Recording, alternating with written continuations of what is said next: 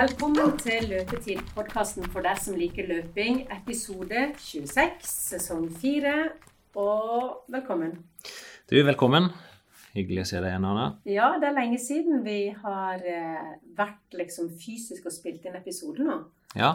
ja, men det er godt det. Nå fikk vi litt tid til å rable litt gjennom både det som er verdt, og det som skal komme. Ja. Og... det er jo sånn at vi har jo holdt på med dette. Dette er jo fjerde sesongen. Og eh, det er jo kun når vi spiller inn episoder eller det er et eller annet med løpetid, at vi ser hverandre. Så godt som. Jeg vil være så heldig å få være med på en middag hjemme hos du og Kjartan. Ja, ja, ja, ja. Men det er det det stemmer, det. Så vi er kun det vi kan kalle gode løpevenner. Ja, ja, ja. Uh, og uh, derfor så er det jo eh, når, Man har jo liksom ting som, som skal oppdateres da når ikke vi har sett hverandre på en stund. Det er sant. Så vi ser på klokka at vi har sittet tre kvarter og bare kjasa fram til nå. Ja. Så skjønte jeg når du snakker om løpevenn, da du sa jo du hadde fått en ny løpevenn. det, ja. Men jeg vet ikke hva han heter, og jeg vet ikke hvem han er, men vi hilser bare på hverandre når vi løper forbi hverandre.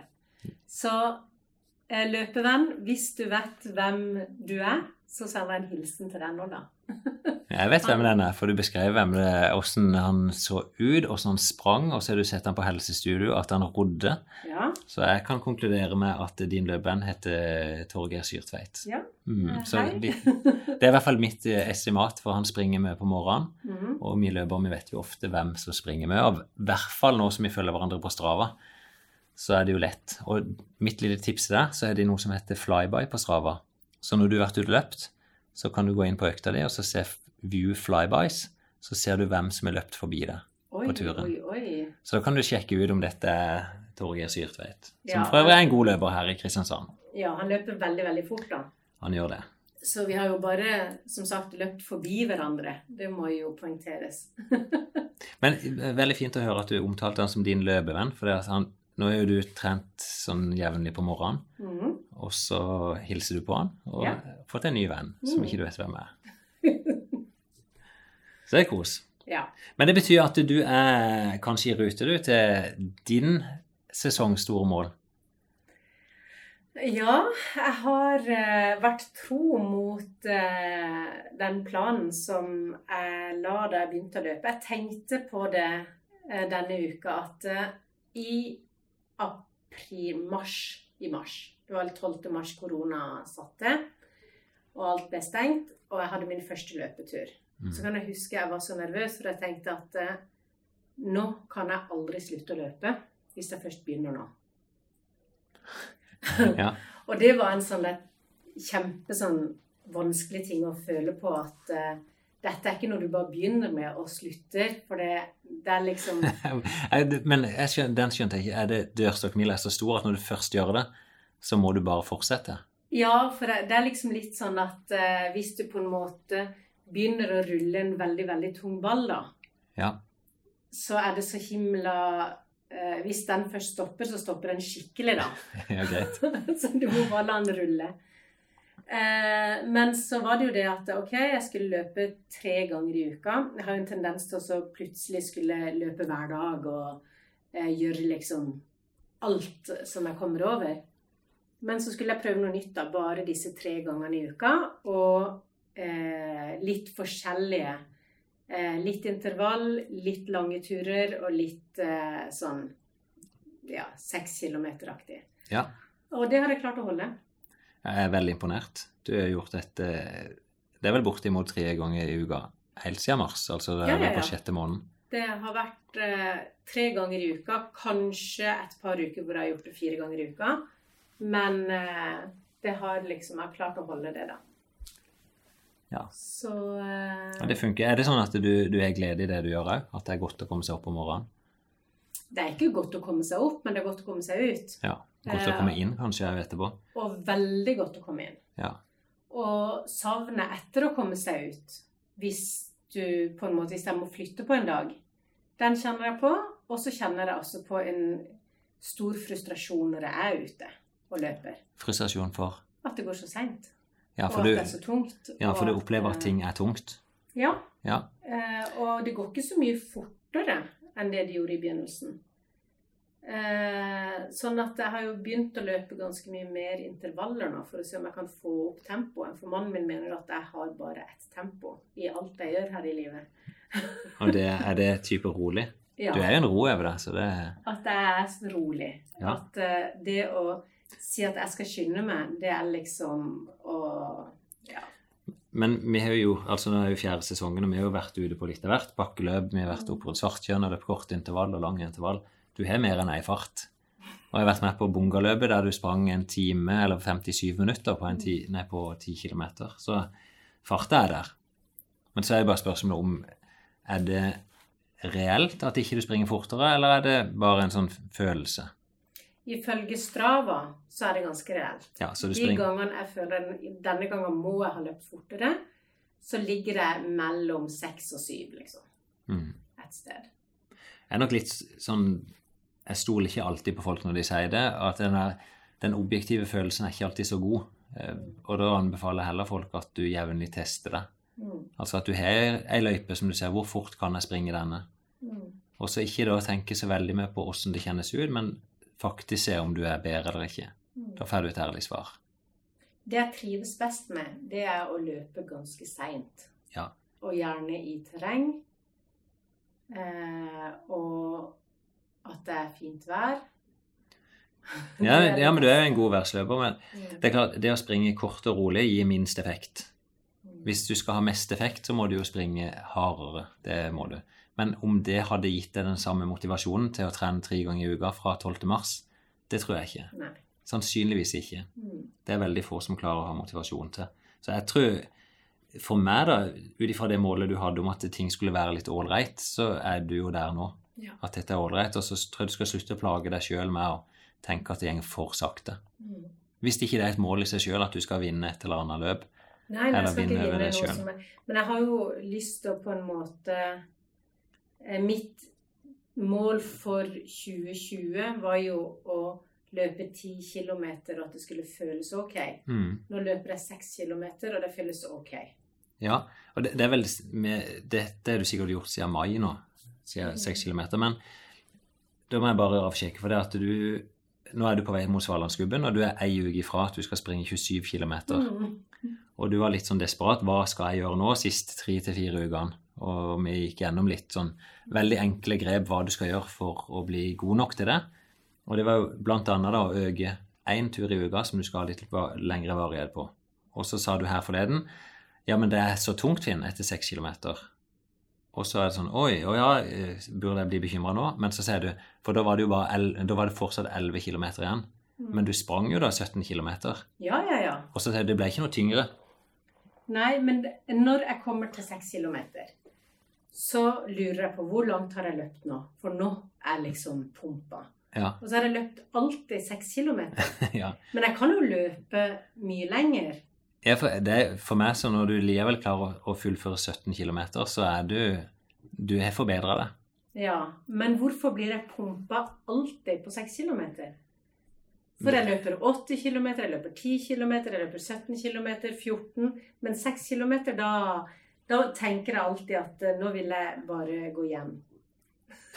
ja, nei, det vet jeg ikke. Men du gjennomfører jo økter som er lengre og, og mer enn det. Det gjør du. Ja. Ja. Og det er Så- jo litt sånn som jeg er også, at jeg har jo Jeg liker jo ikke å gi meg. Det er jo ikke noe ja. Men, men jeg tror det er, du skal i hvert fall ikke tenke for mye. og liksom Nei. jeg tror heller du skal begynne å snu i tankene dine og se at du kan klappe deg på skuldra for den gode jobben du gjør. mm, Og så når du springer 17 km, skal du si 'fy fader, jeg er sterk'. Det, ja. det er ikke så mange som er født til et barn for et år siden og dunker ut 17 km i bymarka. Nei. De færreste gjør det. Det er bra. Det er veldig bra. Mm. Jeg vet ikke hvor lang tid, det bruker kanskje to timer eller noe sånt. ja. Eh, og det er jo en fantastisk fin økt. Ja, det er jo eh, Jeg er jo sliten i beina når jeg kommer eh, liksom sånn Jeg kjenner det jo i kroppen at jeg har vært ute, da. Ja, og når du klarer nå 17 km og kommer deg ut mer alene, jeg vet ikke om det var det, men sånn ja, på, Julia. på egen hånd. Mm. så klarer du Svalandsgubben på 27, som egentlig er 25. For der er han egentlig bare 25 km når de fikk GPS. Oh, ja. Ja, det er jo sånn med mange løp at Ja. de er ikke så lange som de egentlig skulle ha det til. Nei, men det gleder meg. Det, For meg så kan de bare korte ned. Så, så lenge han heter Svalandsgubben og er der han er, så kan han være så kort han vil. Ja. Så er det jo et spesielt løp. Eh, Det blir jo ikke sånn gøy eh, der du møter masse folk. Nei, Eh, jeg det, tenker at det er gøy for meg å ikke møte så mye. ja, for gubben på et vis er offisielt avlyst, men de merker løypa. Så er de oppfordra folk til å springe gjennom på egen hånd, og så bare rapportere inn om de er fullført eller ikke. Mm. Så i år, hvis du fullfører, så blir du oppført på samme linje som alle andre. Ingen rangering. Veldig bra. F for fullført. Det er veldig Så- bra. Mm. Men det nå er det halvannen uke til. Mm. Eh, Føler du deg klar sjøl? Eh, etter at jeg snakka med deg, og du sa at eh, du skulle bli med, så følte jeg meg mye roligere. Så hyggelig. Ja, men det er sant, for det eh, Det er liksom Jeg stoler jo veldig på deg. Ja, ja men det er godt å høre. Du er på en måte det, Din måte å coache på, da, med å ikke gnåle for mye, men du sier de tingene som skal, og du på en måte eh, Du pusher også. Du er ikke sånn som alltid liksom sånn At jeg skal ta det med ro og sånn. Sånn at eh, hvis du blir med, så vet jeg at dette går bra. Ja, og at jeg vil finne veien hjem igjen. Det, jo, det er jo en plan der at Tommy har fått med seg seks ultraløpere som skulle pakke deg inn. Så, men kanskje det du var litt redd for, at de skal pushe deg for mye eller feil. Ja. Så, Jeg var litt redd for at ikke de skjønner eh, hvem jeg er, da. mm. Eh, og at de tenker at eh, når, når ikke sant, noen er veldig godt trent, så er det kanskje vanskelig å forestille seg hvordan det er å løpe for en som ikke er så godt trent. Ja, det tror jeg at mange kan bomme på. Mm. Eh, og Jeg kan ikke si at jeg er den beste til det, men jeg har i hvert fall vært med veldig mange folk på veldig mye ulikt nivå. Mm. Men husker du hva som var din utfordring sist gang vi løp? Nei, At du var overraska over en ting? nei, det klarer jeg ikke å huske. Du, etter at vi, du fulgte med, da, det ble jo nesten fire timer, Ja, så sa du at du aldri hadde vært så støl på så rare steder. ja jeg stemmer det. Ja. Etter, For du hadde aldri løpt så seint så lenge i ditt liv. Nei, men det blir jo en annen måte å springe på. Men jeg må si det, jeg var veldig imponert over det at du fullførte sist. ja. Og jeg kommer til å være kanskje enda mer imponert over det nå. For sist så var det jo nesten et sånn opplegg vi fylte deg inn mot Mm. dette løpet og, og, og hausa det litt grann opp. Um, nå har jeg måttet gjøre jobben sjøl. ja. Og ja. Nei, jeg gleder meg til turen sjøl. Så får vi satse på Jeg vet ikke om vi skal satse på finvær, eller om vi skal satse på skikkelig gubbenvær. Nei, for meg så Jeg satser alltid på finvær. Jeg er veldig redd for regnvær Ja. fortsatt. De som arrangerer, er jo alltid sånn at uh, Det beste været er pøsregnvær og vind. Å, Så det hadde vært litt gøy å ha deg med gjennom gubbenløypa på en sånn type tur, da. Nei, det tror jeg ikke du har lyst til å utsette deg for. Mm. Vi skal i hvert fall være med deg der, eh, Anna, så eh, får vi se om det blir en fire timers lang podkastepisode. Eller vi skal hente ut høydepunktene. Ja. Det skal sikkert gå fint. Men eh, jeg har jo en del spørsmål. da Skal vi ta de nå, eller? Ja, det syns jeg. Mm, uh, hva skal jeg gå med? Tenker du på type sko? Ja, alt, Vi kan begynne. egentlig. Å ja, sånn sett, ja. Sko, eh, du, dette er jo et skogsløp. Det, det er Sørlandets hardeste skogsløp, og kanskje et av de hardeste i Norge, som går i ja, sørnorsk terreng med stie, bekke, myr, eh, grus, litt asfalt. Eh, betyr nærmest ingenting åssen sko du bruker. Nei, og Sånn. jeg tenker du, jeg har jo de Husker du sist gang så kjøpte jeg noen nye sko som du var litt usikker på om Vi sto før start, og så lurte du på om jeg skulle gå med de gamle slitte eller de nye terrengskoene. Ja. Så sa du ta på deg de nye, Mm. og nå er jo de gamle slitte. Så jeg tenkte jeg skulle bare løpe de og Ja. kaste de etterpå. Det, det funker helt fint, altså. Eh, For de aller beste, der de springer så fort at eh, der kan det være litt utslag når de skal gjennom de bratteste utforbakkene. Eh, Noen glatte, sleipe partier, men stort sett så, så er det ikke det at det blir veldig glatt. Det er bare vått og blaut, myr, og da ja, vil jeg valgt bare noen sko som du er komfortabel med. Mm. Så det, er- jeg, jeg løpte i terrengsko, jeg løpte i joggesko, og det er vanskelig for meg å se hva som funker best. Mm. Og springer du på en type knottesko, da, så blir du straffa litt. Grann. Du har i hvert fall ti kilometer som er på vei. Da vil det være fordel med joggesko. Mens andre deler av løypa så er det fordel med noe annet. Så det går litt sånn opp i opp. Mm. Så tøy, der må vi vurdere litt løpsstand, men sånn typisk tights, lange armer, og en, om du er noe ei T-skjorte eller singlet utenpå lange armer. Utenpå langarmen. Ofte syns jeg det er godt at kjernetemperaturen er varm, da. Så jeg pleier ofte å springe kanskje en lang arme som jeg kan trekke opp, og så er kanskje ei T-skjorte utenpå. Hvis det er litt kaldt. Ja, det, var- Det kan jo være null grader, det kan være ti pluss. Mm. Um, og så har jeg ofte sjøl, og bare hvis det er kaldt, så er lue noe vante. De hiver jeg ofte framme på en eller annen drikkestasjon. Um, ja, det er egentlig det. Mm. Og så må vi jo tenke litt Det blir jo ikke sant, potensielt opp mot fire timer. Da må vi tenke på noe mat, for det er ingen som vil stå og gi oss mat. Nei. Men da ser jeg vel for meg at det er noe jeg må tenke på. At jeg, må ta med til det. Sist gang hadde du med en sjokolade som du spiste opp sjøl. Jeps. Nei, men, men typisk det er å ta med et drikkebelte, så vi må i hvert fall ha med altså en halvannen, liter halvannen i hvert fall med drikke. Mm. Eh, og så litt å spise på. Mm. Mest av alt viktig bare for å ha noe å se fram til. Ja. Um, det er stort sett det, altså. Og så selvfølgelig noe skift når du kommer tilbake igjen til bilen. Så det er sånn bensin som da man var liten og skulle gå Var noe. Ja, men jeg tror det er lurt å vite at eh, ok, når jeg kommer f.eks. opp til juniorstarten, opp på høyeste punkt, ned på veien, så har du noen belønninger å se fram til. mm. Jeg husker veldig godt akkurat når vi kom opp til den gården. Ja, stemmer. Det er nesten Det er vel høyeste punkt bortimot, da. Ja. Etter det så var det veldig deilig fram til asfalten, og så var det grusomt fra asfalten. Ja da, det, det er vel løype. Du springer veldig mye terreng i ja, cirka, nesten 20 km, da. Kommer du ned på veien, du er kjørt, du har løpt 6-7 km med masse utfor. Og så skal du mye flatt og litt oppfor på vei mot mål. Da er det jo mange som bryter sammen. Og det, det, selvfølgelig, det kommer til å bli drita tungt på det stykket der. Men da skal vi karre oss sammen til mål, da. ja, Ja, så det det, bra, det. det skal gå bra. Så nei, egentlig tenk liksom nesten som du skal ut på en morgentur. Bruk vanlig tøy, ting som du er vant til å bruke fra før. Ting som kan gnisse, det er jo smart. Det er vel ikke Jeg tror ikke jeg har sett damer som blør på brystvortene, for det er vel ofte en eller annen BH eller noe sånt. Sports-BH. Eh, ofte vil jeg på lange løp bruke vaselin i skrittet. Eh, altså Nei, men smøre, smøre på på plasser der du kan få gnisning, da. For guttene så er det jo på pungen. Ja. Eh, jeg pleier Når jeg springer maraton, så smører jeg vaselin under armene.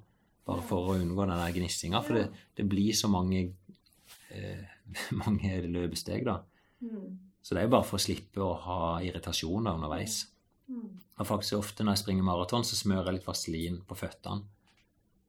Um, bare for å beskytte litt ekstra. Ja. Ja. Jeg har jo den derre der akillesen som er ganske vond. Uh, og jeg sier at han ikke er vond, for da tror jeg at han er mindre vond. Ja. Men så er det veldig teit av meg å ta en sånn Voltaren den løpsdagen. For å ikke Ja. kjenne på det. Jeg pleier ikke å gjøre det sjøl. Jeg er litt usikker på om det betyr noe fra eller til. Jeg liker ofte å ha kontroll på det som er vondt. Sånn at eh, hvis du liksom doper deg ned og ikke kjenner smerten, så, så vet du ikke nødvendigvis hvor vondt det er underveis. Så da ville jeg kanskje heller hatt den med meg og så sagt at ok, nå blir det så vondt at nå reduserer smerten bevisst. Ja, for det det. løper litt sånn når det blir for vondt, da. Så Mm. begynner det å løpe litt sånn haltete. Ja. Og det er tenkt at hvis jeg bare unngår det, så kan det jo gjøre så vondt det bare vil når jeg kommer i mål. Ja. Men uh... Jeg ville hatt kontroll på smerten først, og så hvis du kjenner at det blir fryktelig vondt, så smekker vi ned på eh, noe smertestillende. ja. Så- Men jeg ville ikke begynt løpet med det. Nei. Det er i hvert fall et sånt råd som jeg gir til mine løpere og meg sjøl. Ja. Uh, og så er jeg nok litt sånn når jeg springer maraton sjøl, så, så tenker jeg at det er viktig for meg. Og, altså, smerte er jo signaler rundt forbi, og at en skal lytte litt til de. Men jeg skal jo til mål uansett. ja, og Så. du er jo ikke så god til å lytte. Eller jeg er kanskje god til å ignorere, da. Ja. At det, det er greit å vite at de er der, og så greit, jeg må jobbe med å få vekk de smertene. Ja.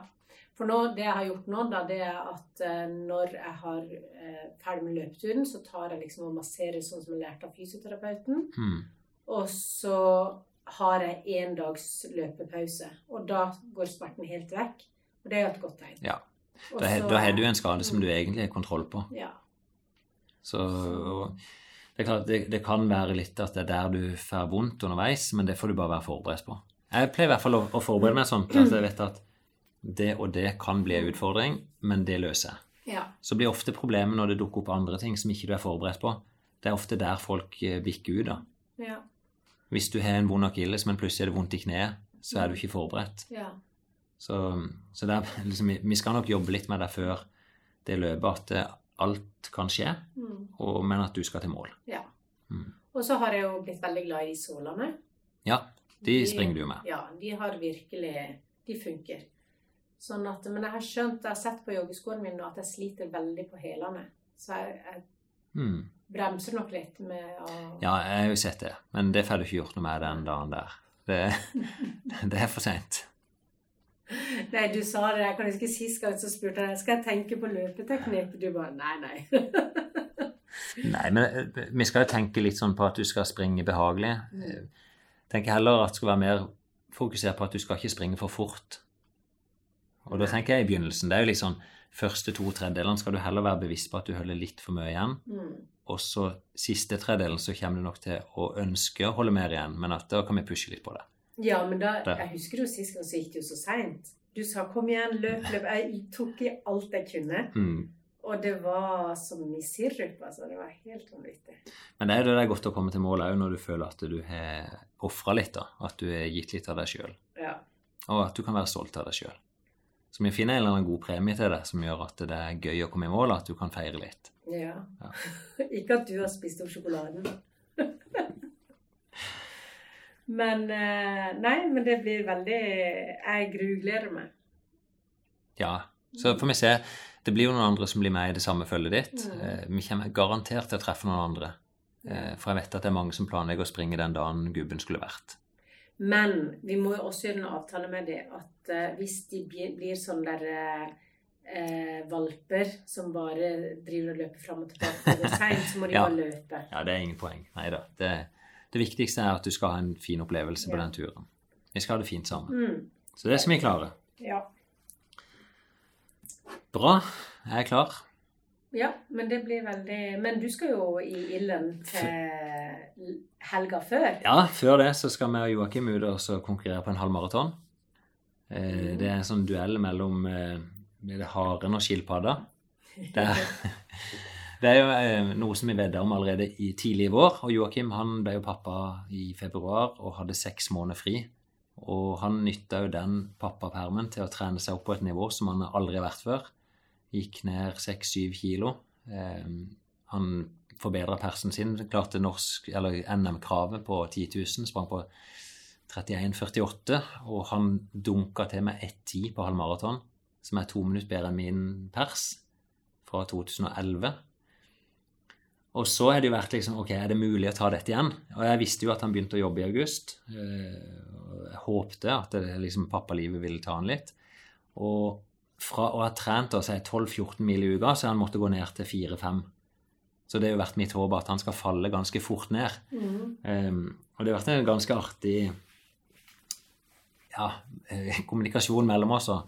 Der jeg prøver jo å presse han ned uh, og vise at jeg er på vei. Men det er jo ikke sånn Jeg kunne jo prøvd å få han til å ikke trene, men det det er ikke noe gøy hvis det ikke blir en duell. Det er jo ikke noe gøy å vinne over, eh, sånn der, på sånn der walkover. Nei, det det, og det visste jeg var livredd for at han bare skulle gi opp. Ja. Og, og nesten hvert år så har han hatt en lang periode der ikke han har fått løpt. Så jeg har liksom prøvd å stimulere han til å få trent, men helst ikke så mye at han skal At ikke det skal bli en duell ut av det. Mm. Men han har vært rå altså på å gjennomføre relativt korte, harde økter. Altså en typisk 8-10 km i veldig bra fart. Mm. Og det er det mest effektive du kan gjøre. så, han faller ikke fort nok. Nei. Så selv om han da sprang på 1,10 på halvmaraton, så er han nok fortsatt i stand til å springe på mellom 1,13 og 1,15. Og det er jeg ganske sikker på at jeg ikke er i stand til. Ja, og så- hva har du gjort for noe?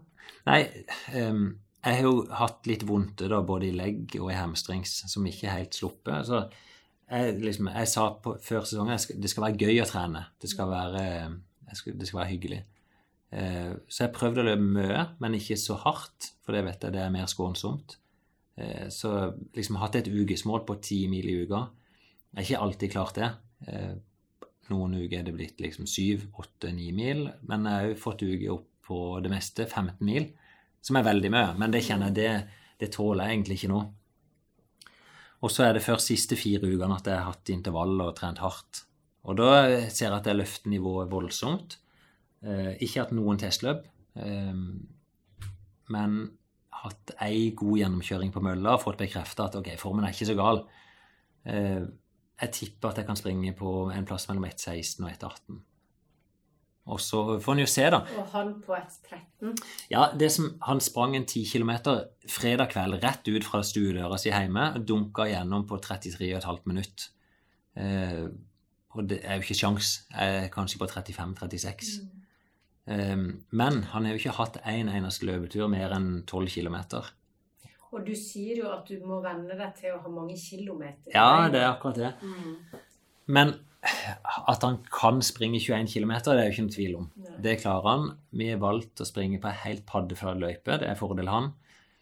Han har de gode skoene, eh, Nike-skoene med god demping, så han tåler nok distansen godt nok. Eh, han, han vil nok få det tøft på slutten, kanskje tøffere enn meg. Men jeg tror han har såpass stort forsprang at det blir en walk in the park for Joakim. Mm. Men det vi er enige om, da, at vi springer uansett første ti kilometer sammen. Eh, og da følger vi på et vis den farta som jeg mener er rasjonelt for meg å holde. Og så får vi se derfra inn. Da får vi se, Jeg håper jo at han brenner på og springer seg tom, og at jeg kan hente han på slutten. Men eh, vi får se. Jeg er spent sjøl. Ja, ja, ja, ja. Så da må vi jo lage noe på den. Ja, akkurat nå så ser jeg det ikke på, som en veldig realistisk duell. Men eh, det, det, blir en hyggelig dag, da, der vi får prøvd oss litt mot hverandre og får gjort opp dette. Ja, det duellen er det at du tror at han kommer til å vinne? Akkurat nå så tror jeg det. Ja. Men du sa til meg da vi snakka i telefonen at det er en veldig vanlig følelse før sånn konkurranse. Nettopp. Så, så jeg tenker at du er litt der du, du skal være, da nærmer seg i hvert fall. Men jeg er jo på ingen måte i mitt livs form. Så Men det jeg tenk, jeg liksom tenkt at ok Men du har erfaringer, da? For meg så er dette bare på vei mot at jeg skal springe et maraton neste år, år igjen. Planen var jo å springe i Berlin, som ble avlyst. Så driver jeg nå og kikker mot neste år. Jeg ser på Dubai. Vet ikke om det er realistisk å få lov å reise til Dubai i januar. Neppe. Mm. Ser på et løp i Abu Dhabi, som snakker litt med Sondre, som kanskje skulle ned der. Eh, men jeg må på et vis bare prøve å finne noe som er nært nok til at jeg kan fortsette den gode treningen som jeg er i gang med nå. da. Ja. Så det har jeg lyst til. Mm. For det er jo litt sånn at eh, eh på grunn av korona og at eh, jeg har skjønt at løpemiljøet er veldig styrt av det neste løpet. Ja, det er det, altså. Veldig mange som setter seg et mål, mm. altså konkret på et løp, og at de skal oppnå noe der og der. Så, og det, det dabba jo litt av i løpeklubben òg gjennom våren og sommeren, eh, med ganske store restriksjoner på hvor mange vi hadde lov å samles. Eh, nå er det litt mykt opp, men det er fortsatt sånn hos oss òg at vi må Det er liksom koronatiltak fortsatt. Mm. Og mange som strever litt med motivasjonen. Mm. Men vi er oppe igjen og har vært nå både 50, ja, 50 og 60 stykker på trening yeah. på en god dag. Men det skaper jo litt utfordringer for oss, da. Ikke sant? Mm. Det er hvordan vi skal organisere dette. Så vi måtte sagt at uh, vi har ikke felles oppvarming, så folk møter rett der vi skal ha intervall. Vi er tydelige på at de holder avstand når vi gir info, og så at folk de må ikke komme der hvis de har antydning til å være syk. Mm. Og når vi springer, så prøver vi å unngå at vi springer sånn Normalt springer vi tur-retur for å få det litt sosialt for alle. Nå organiseres vi at vi springer kanskje i runde, sånn at det naturlig splittes opp. Men løpes det fortere eller seinere? De springer for, fortere. Det, folk blir bedre, altså. Um, og det er nok Jeg vet ikke om det er fordi folk har bedre tid. Uh, kanskje liksom at det er mindre å gjøre av andre ting. Uh, jeg kan ikke sette akkurat fingeren på hvorfor folk blir bedre, annet enn at jeg tror folk trener litt mer. Det er jo mange som har fått øynene opp for det å løpe. da. Jeg ser jo at det er mange ute og løper. Det, det er jo enkelheten i det. Og jeg syns det var litt gøy det som er blitt en del initiativ på nå, det er jo Folk har lyst til å konkurrere, så det er flere i klubben som har åpna opp og laget sånn testløp. Mm.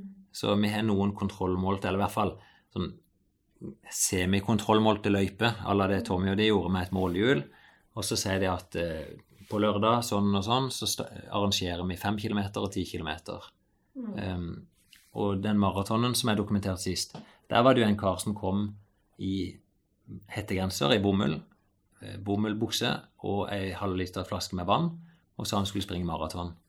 Og dundra inn på 2,55 ca. på maraton, som er ei ekstremt bra tid. Mann vi aldri har sett før, som bare drev og løpt sjøl. Mm. Nå dukka han. Det var hyggelig. Han dukka opp på løpetrening og, og ble en del av miljøet vårt nå etterpå. Så, men, men enkelheten i løpetrening er jo noe for alle.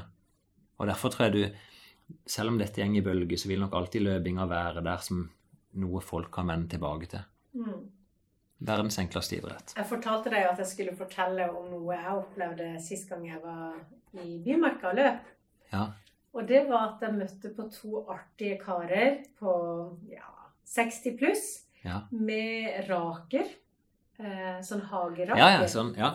Eh, og så hadde jeg behov for en liten pause da, så jeg syntes det var ok å stoppe der og si hva holder dere på med. Og da rakte de myrhull etter sykler. Ja, ja. Det, er- det er en egen eh, debatt, så hissig debatt på Facebook rundt Ja, de som driver og rydder løyper der oppe, som er til dels hissige på disse syklistene som fyker rundt. Ja. for sykling hadde ingenting i skogen å gjøre. Og så sa han ja, hvor har dere løpt da? Vi var jo Julia med, oss. nei, vi har løpt hvit løype. Ja. Ja, han hadde gått hele hvit løype med kantklipper. Mm. Da tror jeg du vet hvem du har møtt. Ja, Det- han hadde samme dialekt som deg. Ja det er nok Arild Vehus fra Vennesla. Så han gjør en fantastisk jobb. Og så er han kanskje litt i overkant hissig på disse syklistene. Så så han legger jo ned hundretalls, kanskje tusentalls av timer oppe i Bymarka hvert år. Og er veldig opptatt av å drenere. Mm. Og det som er skjønt, er at når syklistene kan vi si, kortslutte dreneringa da, med sykkelspor, Mm. så blir det gjørme og damme. Mm. Um, jeg klarer ikke å bli veldig engasjert altså i dette. Jeg tenker når du, Bymarka må være for alle, om det er til fots eller på sykkel. Så all ære til de som klarer å sykle der oppe. Ja, for det, det var det jeg sa. Jeg syns det er merkelig at de får det til, for det er jo Ja. ganske kupert. Men i uh, i hvert fall så ble jeg invitert på løpetur av disse Ja, guttene med raker, for de hadde en sånn løpe, en trim. Ja, de er i gruppe, og det er vel en del av det som de kaller Team Mosjon, som er her i byen. Ja, Så- ja Team Mosjon Ja. det. Ja, og det er jo mange Jeg ser jo det er veldig hyggelig. Det er mange ulike løpsmiljøer, da. Mm. Og det er klart, Løpeklubben har vært liksom etablert seg i den spisse delen. Nå prøver vi å Det er ikke så vanskelig når vi gjør noen grep. Vi, vi var en periode nå i sommer nesten uten jenter. Og så har vi tatt et lite jafs og gått ut og sagt at vi ønsker alle velkommen. Og så nå er det plutselig et miljø igjen med en sånn si fem til ti jenter på treningene.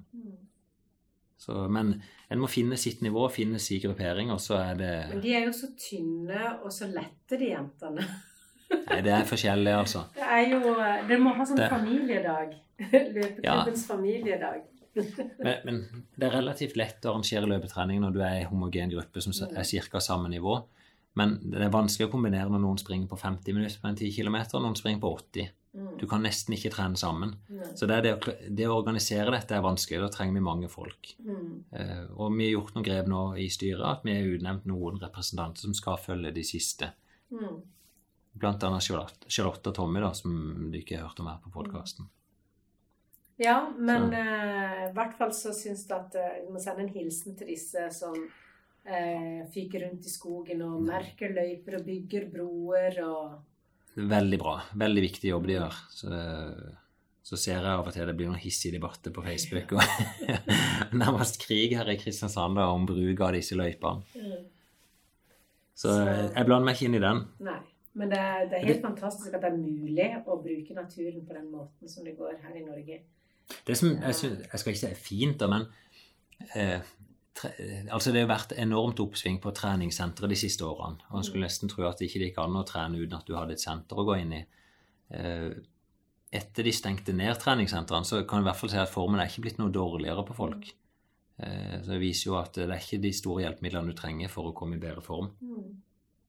Men det skulle jeg si til deg, for nå de siste ukene så uh, har jeg trent én gang En av de løpetreningene mine har vært inne. Ja, Og det har vært eh, intervalltimen. For det, jeg merka at jeg begynte å jukse på mine egne intervaller. De blei roligere og roligere. Og ja, når du sprang ute? ja. Ja. Jeg klarte ikke å holde Å presse meg så mye.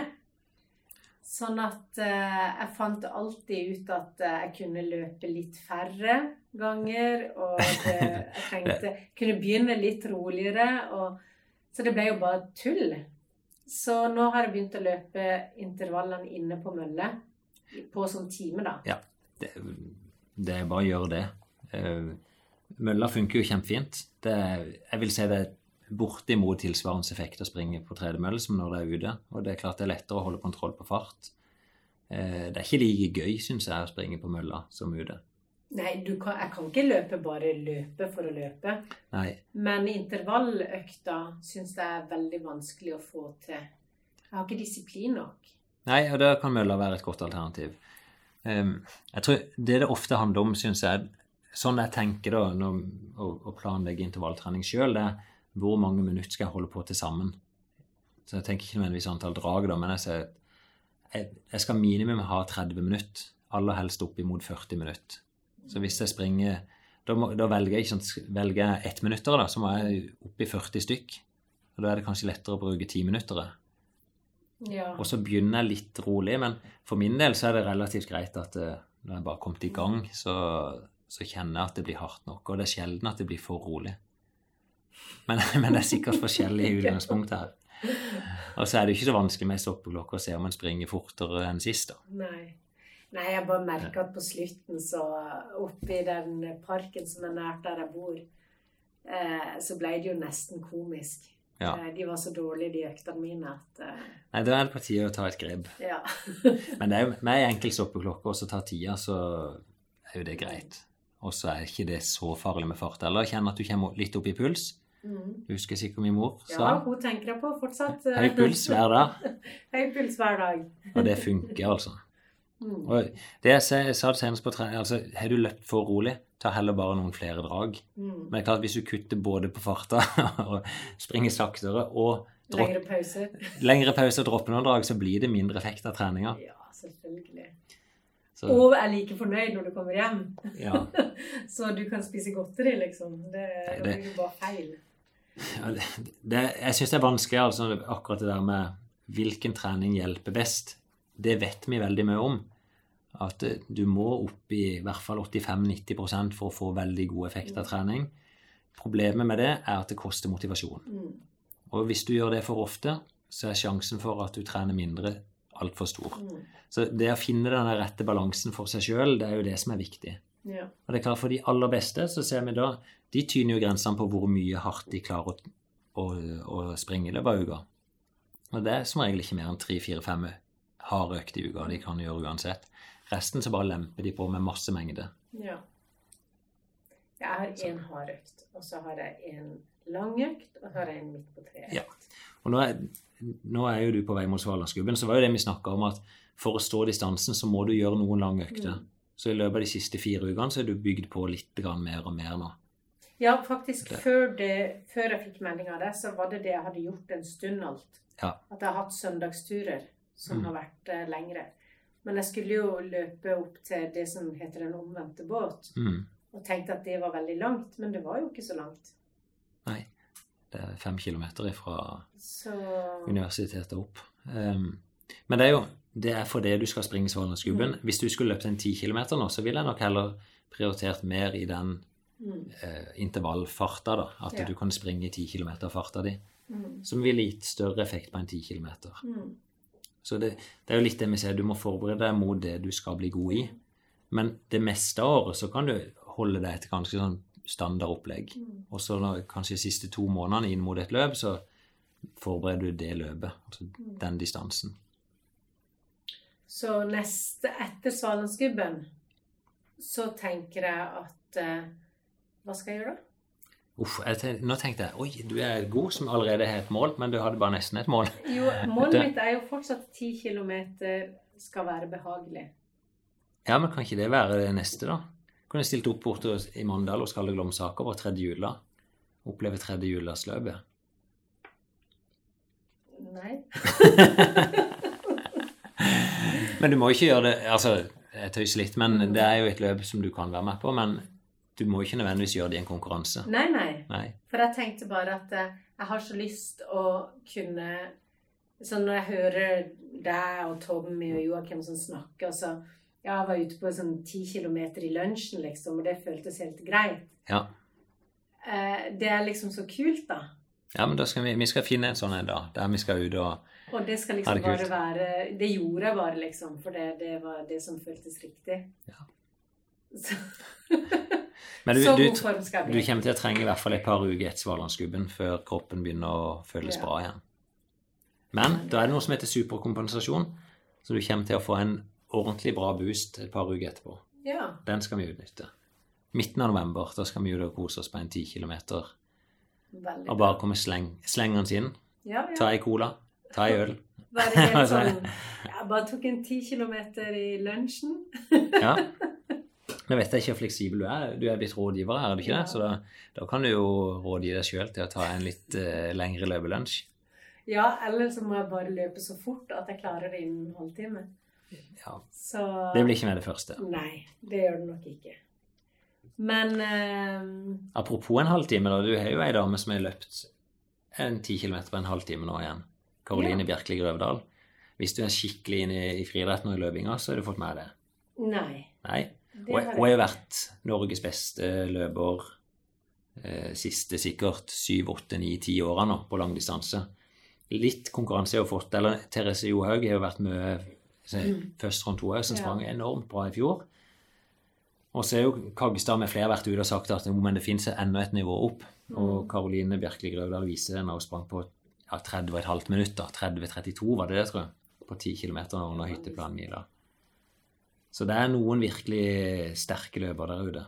For det er jo litt sånn, for det om ting har vært nedstengt og på en måte at ikke det har blitt så mange løp, så har vi jo hatt noen gode resultater i toppsjiktet. Ja, de, de beste ser ut til at de får trent kanskje enda mer. De, de, de har ikke det der jaget etter konkurransene. Ulempen er jo at de tjener sikkert mindre penger, for de får ikke vist det fram. Men det har vært sånne enkeltstunter. Noen internasjonale toppstevner og noen sånne perseløp og lokale løp der de bare fått vise seg fram og sprunget fort. Og Karoline hun sprang jo nettopp en fem kilometer på rett og satte norsk bestnotering på rett over 15 minutter. Det er 15.04 under tøffe forhold og oppe på rett utenfor Drammen. Eh, Så hun liksom skilt seg ut av jentene. Ellers er jo de som følger med, de, de får jo med seg familien Ingebrigtsen, som har markert seg, særlig med Jakob. Mm. Du kan sikkert ikke verken tidene eller distansene nødvendigvis, men han satt jo, begynte jo har sett, Var det europarekord på 2000 i denne duellen de hadde? De har jo sånn duell på Impossible Games. Ja, ja, Norge mot Kenya. Kenya. Ja. Der vi fikk se hva Men da klagde kenyanerne på vær og Det høres ut som meg. det er vel, Sondre sa vel det at når korona slo inn i Kenya og alle løperne ble avlyst, så slutta jo bare de å trene. Mm. Og vi fikk vel se litt av det. Eh, så de stilte jo selvfølgelig opp. De fikk jo betalt for å stille opp. Eh, og så, så er det jo noen forskjeller. I Norge så sprang de på gode forhold på Bislett stadion med lys hare. De var fem stykker i et team som var godt forberedt. Eh, nede i Kenya så var de på 1800 meters høyde. Eh, det hadde akkurat vært storm, som var klissblaut. Eh, og ingen fartsholdere, ingen lyshare, og de brant jo av gårde eh, og sprakk så det sang. Så, men, eh, men Jakob sprang og satte norsk eh, nei, europarekord på 2000 meter der. Eh, helt vanvittig bra. Hva er det med Jakob i forhold til de to andre? Nei, Jeg vil ikke ha sagt i forhold til de to andre, for de, de er, de er flytta nivået på, på mellom- og langdistanse noe helt vilt. Jeg husker når Henrik eh, slo gjennom, da, så var norsk rekord på 1500 3.37. Og han flytta norsk rekord ned til 3.31. Mm. Og så overtok Philip, og Henrik ble europamester. Og så kommer liksom bare nummer to, Philip, som ikke var noe spesielt talentfull. I hvert fall ikke noe som utmerka seg veldig da i ungdomsårene, men dundra forbi, blir europamester han òg, og springer da på 3.30 og flytter norsk rekord ned dit. Og helt siden, i hvert fall, jeg husker Henrik sa til meg i 2011 at eh, bare vent litt, det kommer én til. Eh, og det er Jakob, da, som eh, liksom har fått lære først av feilene til Henrik, så av feilene til Philip. Og gjennomført da, et veldig bra opplegg da, i sånn treningsregime fra han var 11-12 år. Eh, og nå flytta nivået da, på 1500 meter til 3,28. Yes. Så det, det er jo helt sjukt, egentlig. Mm.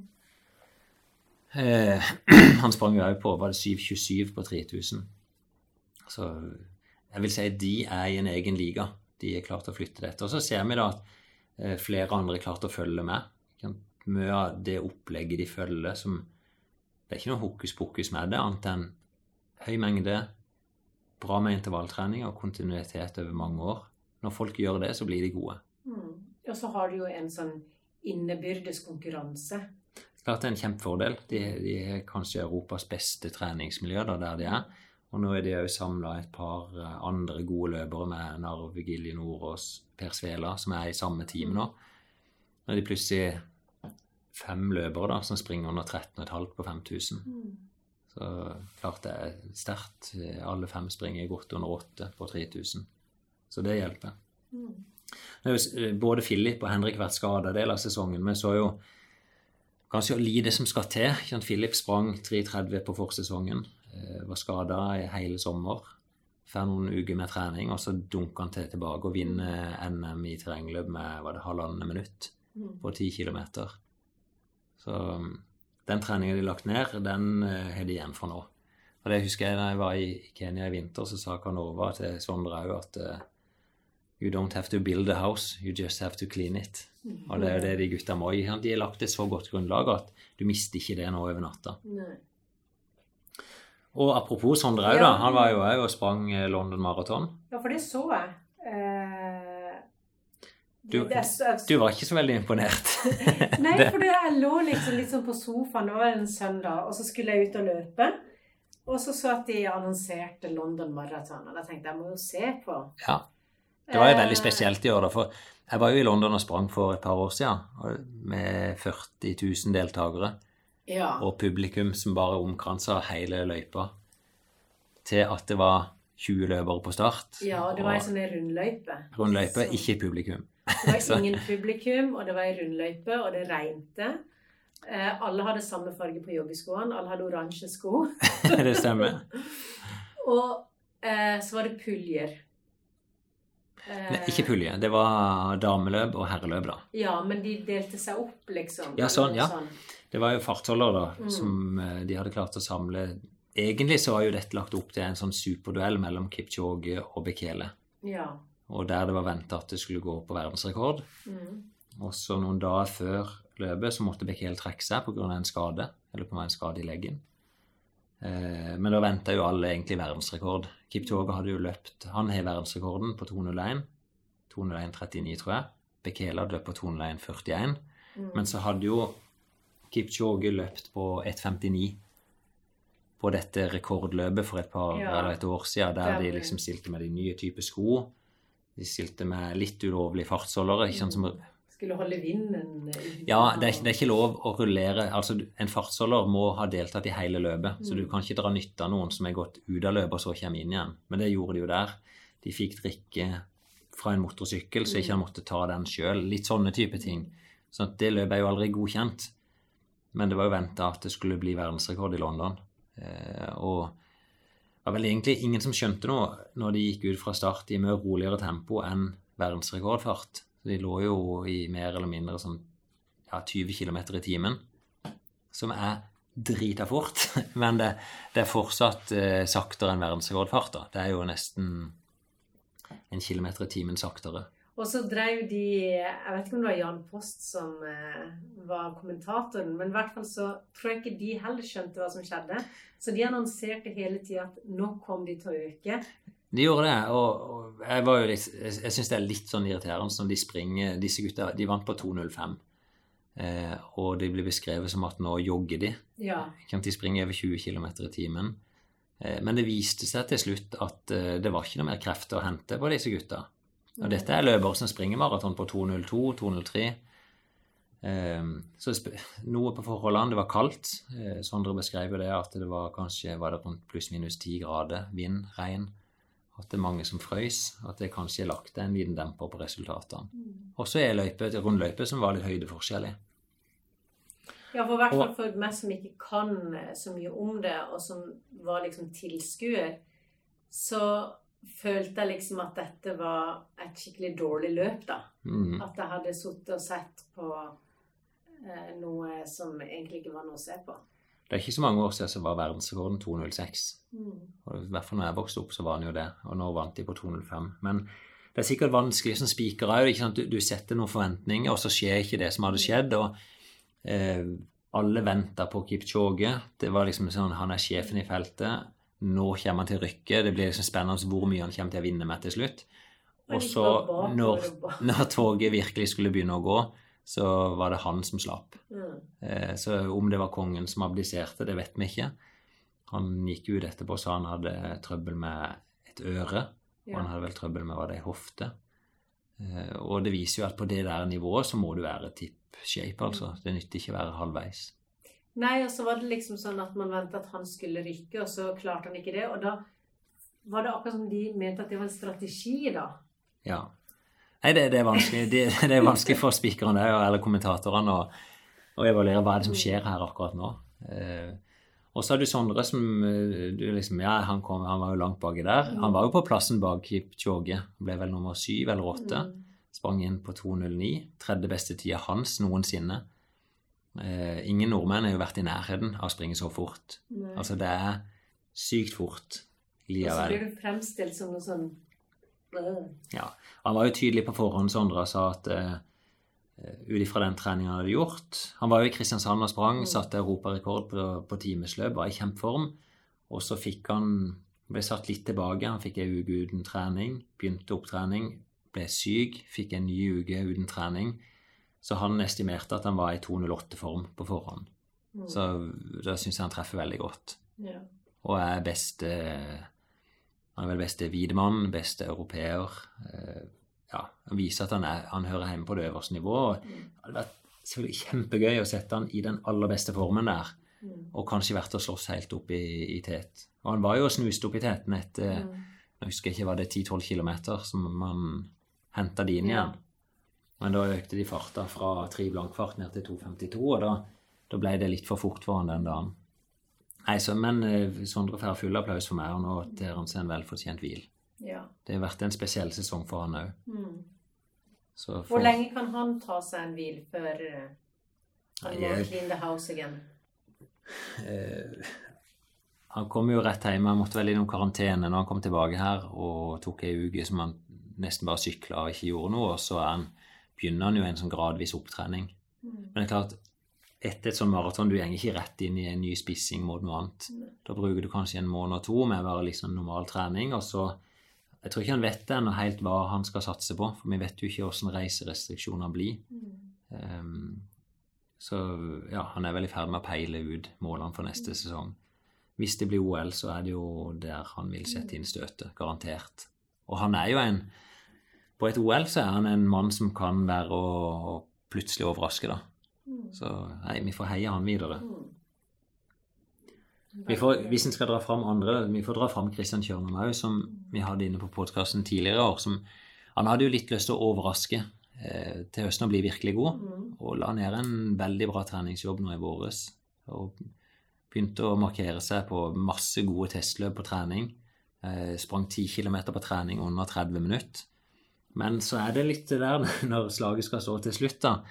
Eh, å holde ut den der eh, monotone treninga over tid, det, det viser at det, det gikk ikke noe heller, da. Så han hadde et maraton som han sprang nå på søndag, og hadde jo ikke gjort grunnlaget godt nok siste to månedene. Så han kom inn på 2.31, som er sikkert ti minutter bak det potensialet han kunne hatt hvis han hadde løpt nå i sommer. Han sprang jo i sånn 2.22-fart, 30 km, men det er der maraton begynner. Og da fikk han magetrøbbel og, og magekrampe. Og, og det er nok Kan jo ikke konkludere med det, men sannsynligvis fordi at den jobben ikke er godt nok gjort. Du springer så fort så lenge, så, så er det noe som blir svakest ledd. Og nå var det det som var svakest ledd for Christian. Det er jo veldig surt, da. Men det, det er mange som springer fort, altså. Så vi jo de vant eh, Dette var oppe på Persløpet, som er bare sånn lokalt gateløp oppe på Jessheim. Eh, to mann som sprang på 2,20, som er liksom i vanlige år så er det liksom bra. Mm. Og, og nå ruller det på folk langt ned på 2,20-tallet, altså, som eh, mange av dine som jeg ikke har hørt om før. Det Så det er mange som har trent godt. Ja. Så neste, når du endelig får arrangere sommerløpet, så Ja, jeg, jeg håper jo at eh, vi, Det er jo sånn vi pekte oss ut neste år og håper jo at vi kan arrangere det vi vil. Så er det Kristiansand Ultra, det er sommerløpet og det er Stadionmila som blir det store. mm. Og så håper vi jo at vi kan hekte oss på det nye konseptet med rekordløpet som ble lansert, da, men eh, det var kun Karoline og noen få gutter som sprang det i år. Mm. Men som kan bli et spennende prosjekt neste år for oss. Og det er rekord bare for liksom de aller, aller beste. Ja, det, eh, det er ikke for de beste. Det er for eh, det, skal, det er om å ha de raskeste og beste løypene i landet. Og så skal de ha det som en serie, da. Eh, på kanskje fire-fem plass i Norge. Og så er Henrik Ingebrigtsen en sånn egen serie med et barneløp oppi dette. Mm. Så får komme tilbake til det når ting er bestemt, da. Vi vet jo ikke så mye om neste sesong ennå. Men uh, nå kan uh, Martin da snart gå, så kanskje han kan stille Ja. Hvor gammel er han? ett år. Et år. Ja, men da er det passelig å begynne å gå. Ja. Så, Jeg har jo hatt mine jenter som er, noen har begynt å gå når de er åtte måneder, noen har gått når de er 15 måneder. ja. Uh, Det er vel best jo lengre de venter. ja. I hvert fall for familiefreden. Det er det. Jeg tror ikke de blir noen bedre løpere fordi om de begynner å gå tidlig. Nei. Det er greit. Du, skal vi innom et par spørsmål vi har fått? Ja, eh, det er Vi har ikke fått inn så veldig mange. Men eh, det er en som heter Christian. Han eh, minner oss bare på om at eh, nettsida vår ikke fungerer. Løpetid med o.no, og at vi har den adressen på Facebook. Ja, det kan vi jo egentlig ta bort. Vi tok jo den ned for et par år siden. Vi tenkte det var en grei kanal å spre podkasten i, men podkastene sprer seg jo egentlig av seg sjøl Ja. når folk abonnerer, så vi tok den ned. og men vi klarte ikke å gjøre noen god oppfølging der uansett. Så beklager de som lyst til å finne ting der. Ja, Mm. vi har liksom Vi inspirerer litt på Instagram, og så legger vi ut eh, på Facebook når vi legger ut episodene. Ja. Og så var det jo litt sånn at når vi begynte, så visste vi ikke så veldig mye om hvordan dette kom til å gå. Nei, Så da prøvde vi litt forskjellig, og så har vi Egentlig så prøver vi å svare folk når de skriver til oss, og så har vi podkasten, og så legger vi ut litt bilder. Eh, og så er det en som heter Kjetil Grønås, og så er jeg litt usikker på Jeg kom til å tenke på nå om vi har svart på det spørsmålet før, men vi kan allikevel ta det opp. ja, I hvert fall noe han snakker om som er litt aktuelt nå i koronatider. Lurer på om de kan snakke litt om matinntak under lange treningsturer. Jeg har ennå aldri tatt med meg mat eller drikke på joggetur. Jeg har aldri hørt du lese nynorsk før. Nei. Det var, det var fint. og vil helst ikke ha med meg bagasje. Men da jeg skulle springe halvmaraton for første gang alene, for løpet ble jo avlyst pga. koronatiltak, så kjente jeg meg helt tom for energi etter ca. 90 km. Ja. Da hadde jeg sprunget i ca. 1 time og 45 minutter. Klarte å holde farten helt hjem, men det var to vonde kilometer. Finn Kolstad har jo flere ganger sagt at det er ikke vits å ha med sin egen mat på konkurranse. Og ledd av pysete pappskaller som tar med seg drikkeflasker på trening. Men nå for tida er jo alle løp virtuelle, eller iallfall uten drikkestasjoner. Så hva, hva skal vi gjøre når løpet varer lenger enn glykos, glykogenlageret? Regner med at det ikke hjelper å springe litt fortere for å rekke fram før en er tom. Skal jeg lese resten? Er det enda mer? Ja, Er det skadelig å ikke ta med mat eller drikke på lange treningsturer, eller er det bare vondt? Eh, Er jeg veldig tett i pappen hvis jeg holder fram med dette? Kan det ha positive effekter? F.eks. at kroppen lærer seg å forbrenne mer fett. Vi vi har nok vært inne på dette før, altså. Mm. Det var, det var nok mange spørsmål. ehm, men eh, nummer én sånn, Jeg vil si normalt det å ta med seg drikke på turer som som er under en time, det er ikke noe poeng. Ehm, men her snakker vi om eh, det er jo på et vis ikke distansen, men det er jo helst tida du er ute. Eh, De aller beste trenger nødvendigvis ikke ha med seg drikke på en halv maraton, og de bruker 57 minutter. Men sånn som her nå, er ute i nesten to timer, da ville jeg anbefalt å ta noe drikke underveis, altså. Eh, Og da, når du først springer et sånt langt løp, så ville jeg tenkt at eh, i hvert fall få i deg noe drikke hver halvtime. Mm. Eh, Men det er begrensa hvor mye du trenger. Eh, Hadde det vært han, han ville jeg kanskje hatt med meg på en sånn type løp, da, hatt med meg drikkeflaske, så han kunne drukke hver halvtime. Et par-tre desiliter hver halvtime. Så vil det nok hjelpe lite grann. Eh, også når jeg har sagt at jeg ikke driver og stæsjer opp, så er det jo fordi at på alle løp serverer de jo drikke. Minimum hver 50 km. Og springer du maraton, så vil du òg få udelt enten noe banan, sjokolade eller gel. Og da tenker jeg da er det ikke noe poeng å dra med seg noe sjøl i tillegg. Men i korona, når du må gjøre virtuelle løp, så ville jeg tatt med det du trenger. Men ikke overdriv. Det er ikke, du skal liksom ikke ut på noen ekspedisjon. Eh, men blir du god nok, så klarer du å gjennomføre en halv maraton uten å ta til deg drikke. Men det er, ikke, det er ikke om å gjøre å klare det uten. Men så er det jo spørsmålet er det skadelig, eller eh, er det bare vondt? Og kan det trenes opp? Eh, jeg tror Det er nok ikke skadelig. Altså, det å gå tom tror jeg ikke er vel Det, det gjør ikke noe, men det er veldig vondt. Eh, og restitusjonstida etterpå blir nok eh, mye lengre. Så jeg tror ikke det er poeng i å trene på å gå tom. Ehm, jeg tror nok den beste treninga du gjør, det er å trene på det du skal gjøre. Så hvis du trener mot f.eks. et maraton, så må du heller trene på å ta til deg drikke sånn som du gjør. Eh, ikke trene på å gå tom liksom, og på sprekken, men øve på å unngå det. Ehm, så er det noe forskning da som tyder på liksom at eh, ja, du, du, med å tilføre drikke og energi underveis, så begynner du å restituere allerede der. Så du vil jo få en mindre stimuli av å gjøre ting optimalt enn hvis du gjør det vondt for kroppen. Men, men du begynner liksom å komme ned i teoretiske ting som de er usikre på om funker. Og det de som regel anbefaler, hvis du tar utgangspunkt i at Olympiatoppen har relativt rett, da, som driver for, veldig med forskning på dette, så anbefaler de jo å ta til seg drikke og energi underveis, og heller trene med overskudd enn å risikere å ødelegge kroppen din. Sist gang da jeg var ute, så var det jo ca. to timer. Og da merker jeg at etter hvert så får jeg sånn der hvitt i munnvikene. Ja, Så jeg er sånn tørr i munnen og sånn. Du, ja, det er jo litt forskjellig om hvor mye væske du mister. Jeg ser Hvis jeg springer normalt, da, hvis jeg, hvis jeg er ute på løpetur, så mister jeg ca. 1 liter per halvtime. Altså to liter på en time. Jeg vil miste fire liter på to timer. Da Du svetter jo vanvittig. Jeg svetter bra. Da, eh, og etter to timer, da vil jeg nok begynne å slite, når jeg mister fire liter. Eh, jeg merker det ikke så godt sjøl. Jeg vet ikke om jeg merker det på at jeg blir tørr i munnen engang, men da plutselig kan jeg bare oppleve å gå helt tom eh, og begynne å fryse. Og, eh, men eh, skal jeg si om, om det der tørre hvite i munnen, det er kanskje bare et symptom på at du trenger å drikke litt. Og det er verdt opp igjennom liksom eh, Ikke vent til du blir tørst.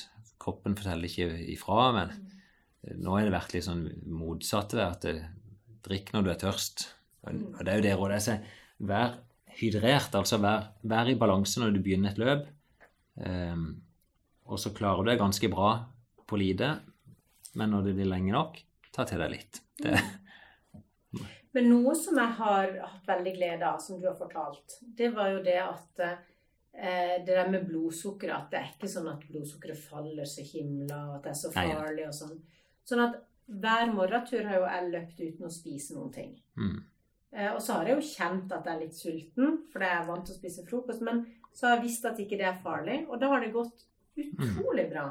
Det, ja, det er rart. Mange opplever det. At når de bare liksom innser at ja, men jeg faller ikke nå, så er det greit. Sånn at det å bare ha egentlig rett informasjon og det, det hjelper deg til å liksom skjønne at jeg er sulten. Jeg holder ikke på å besvime, liksom. Jeg kommer eh, til å overleve dette. Ja. Men, men det er jo sånn en må ikke gjøre det veldig vanskelig, dette. At det, ting er ganske enkelt. At det normalt du, Det handler ikke om å tyne kroppen og ha det fryktelig vondt. Det er liksom bare godt stimuli. Spis når du er sulten. Drikk når du er tørst. Så kommer dette til å gå sabla bra. Mm. Og så blir det jo sånn Ikke selvfølgelig spise stappmett før. Ikke spring ut på lange langturer når du er kjempesulten. Det er ikke der marginer ligger. Det er de som trener mye over tid, de blir veldig gode. Mm. Og for å tåle det, så må du du må sove nok og spise nok i tillegg. Mm. Så. Og ja, du trenger ikke være veldig glad i vann for å bli god til å løpe. Du drikker saft, Saft og kaffe og til og med vin. og så spiser du brødskive med Nugatti og, og sånn eh, peanøttsmør. Det funker veldig, veldig godt. Og det gjør de beste òg. Altså, jeg ser de Det er ikke sånn at eh, verdens beste løpere spiser én type kosthold. Nei.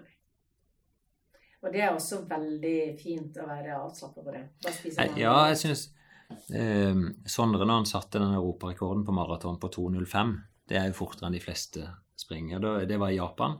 Jeg spurte han hva spiste du til frokost, og da sier han jo ris. Så det er sånn, Jøss, pleier du det? Nei, men det var det de hadde.